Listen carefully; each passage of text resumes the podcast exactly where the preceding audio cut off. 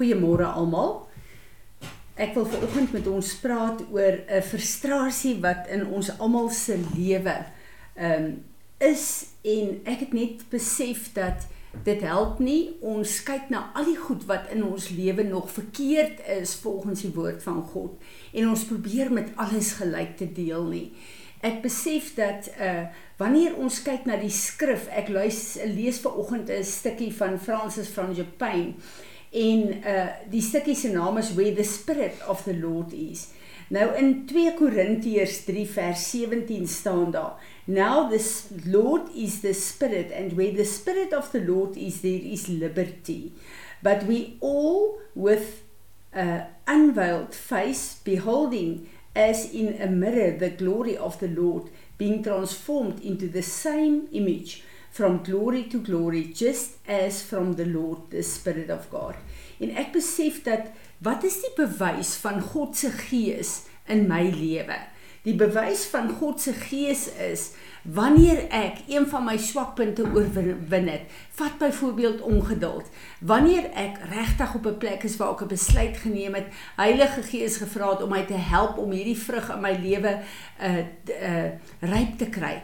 Elke keer wanneer ek deel met daai situasie van ongeloof en en die uh, ek laat toe dat Heilige Gees my help en ek val nie in die strikke daarvan nie. Dit is 'n bewys van God se gees wat in my lewe werk.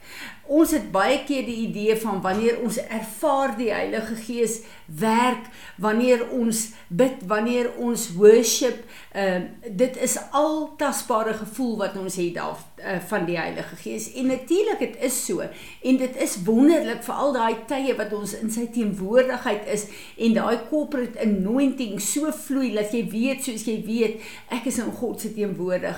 Maar weet julle die plekke waar ek en jy kom en waar ons deel met die verkeerde goed en Heilige Gees vra om ons te help en te bekragtig. Dit is 'n bewys van God se Gees wat in ons werk. En dit is die plekke waar ek en jy verander word deur die Gees van God.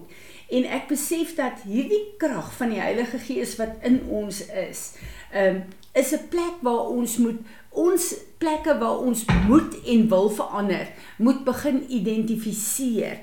As ons kyk byvoorbeeld na na 'n uh, 'n uh, uh, ongeduld wat ek nou genoem het of woede. Wanneer jy weet hierdie is 'n slegte punt in jou lewe wat jy mee sukkel, vra vir Heilige Gees om jou te herinner.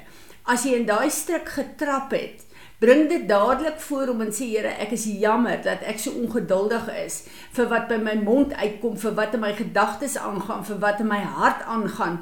Kom asseblief en kom was my opnuut in my emosies, in my denke met die bloed van Jesus en ek kies dat die woord van God oor my denke sal heers dat my gesprekke wat ek het in uh, sal saamstem met die gesprekke in die hemel en dat die vyand nie ingang gaan kry deur hierdie swak plek in my nie. Ons moet weet dat wanneer jy kyk na 'n stad, die vyand kom en hy kyk waar is die swakpunt in daai stad En dit is waar hy gaan deurbreek om daai stad te infiltreer. So ek bid dat Heilige Gees vir ons gaan wys waar is die swak plekke in ons lewe. En ons almal sit met hierdie goed julle. En ons is in 'n seisoen waar ek glo wat die vrug van Heilige Gees in ons lewe moet uh, ryp word. Uh want God wil die vrug in ons lewe gebruik om 'n wêreld wat verhonger is geestelik kos te begin gee. En hulle kan nie groen vrugte eet nie. Jy kan nie iets eet wat wat nie smaak het nie, wat jou skade gaan aandoen nie. En vir my is hierdie ding uh terwyl ons in die seisoen is waar ons uh vrugte verwerk vir konfyt en ek kyk na die die appelkose en ek besef dat Die groen appelkose moet ek uithaal want ek kan nie groen appelkose gebruik vir konfyt of vir enigiets anders nie. Dis nie reg nie, dis sleg, dit kan stalk skade bring. As ek en jy uh ons het almal dit gedoen toe ons kinders was, groen appelkose en perskes eet, dan kry jy pyn op die maag en jy word siek daarvan. En ek glo so is dit ook in die koninkryk van God. God het gekom en gesê hy die vrug van sy gees wat hy mense mee wil voed, maar wanneer ek en jy daai vrug in ons lewe groen hou, dan uh, is dit 'n slegte smaak in die wêreld. En dan's daar baie mense wat na ons kyk en sê as dit is hoe 'n kind van die Here lyk, wil ek niks met die uh, met Christendom te doen hê nie. En dit is 'n baie baie slegte plek daar julle. En ek wil julle kom vra en julle kom uitdaag in hierdie tyd. Kom ons vertrou Vader God om ons te help identifiseer vandag daai paar goed wat vir al die vrug van Heilige Gees is in jou lewe wat jy sukkel mee. En kom ons vat hierdie maand en ons maak seker dat dit die die uh, maand is wat ons saam met Heilige Gees gaan werk om 'n uh, God se krag in ons lewe gestalte te laat kry. Ek wil net vir julle sê dat van die 7de tot die uh, 15de Desember is dit Hanukkah. Nou dit is 'n fees van die Jode. Ons uh, hoef dit nie te vier nie, maar vir my is dit 'n 'n oop hemeltydperk want wat daar gebeur het is dat 'n paar uh, Jode wat passievol vir God was, wat passievol vir aanbidding en worship was, het gegaan en die tempel terug gaan neem van die vyand. En hulle het in hierdie tyd was daar nie genoeg olie om die menorah 7 7 uh, dae te laat brand die menorah moes aanhoudend brand. En daar was net genoeg ek dink vir 3 dae. En uh, dit uh, dit het se, nee nie 7 dae laat brand nie dit moes almekaar brand maar daar was net genoeg dink ek vir 3 dae. En dit vat 7 dae om die olie te maak. En hulle het daai menorah aangesteek in geloof. En die Here het daai menorah laat brand bo natuurlik totdat die olie gereed was. So hierdie is 'n seisoen van die uh bonatuurlike wonderwerkende krag van ons God. En dit is letterlik 'n oop hemel vir ons want dit is waarvoor die die geskiedenis daar vir ons is. Mense wat iets gedoen het, kan ek en jy uh uh volg en sê Here, U is nie 'n aannemer van 'n persoon nie. Hier het hierdie mense U hiervoor vertrou. Ek vertrou U vandag vir dit wat in my lewe nodig is.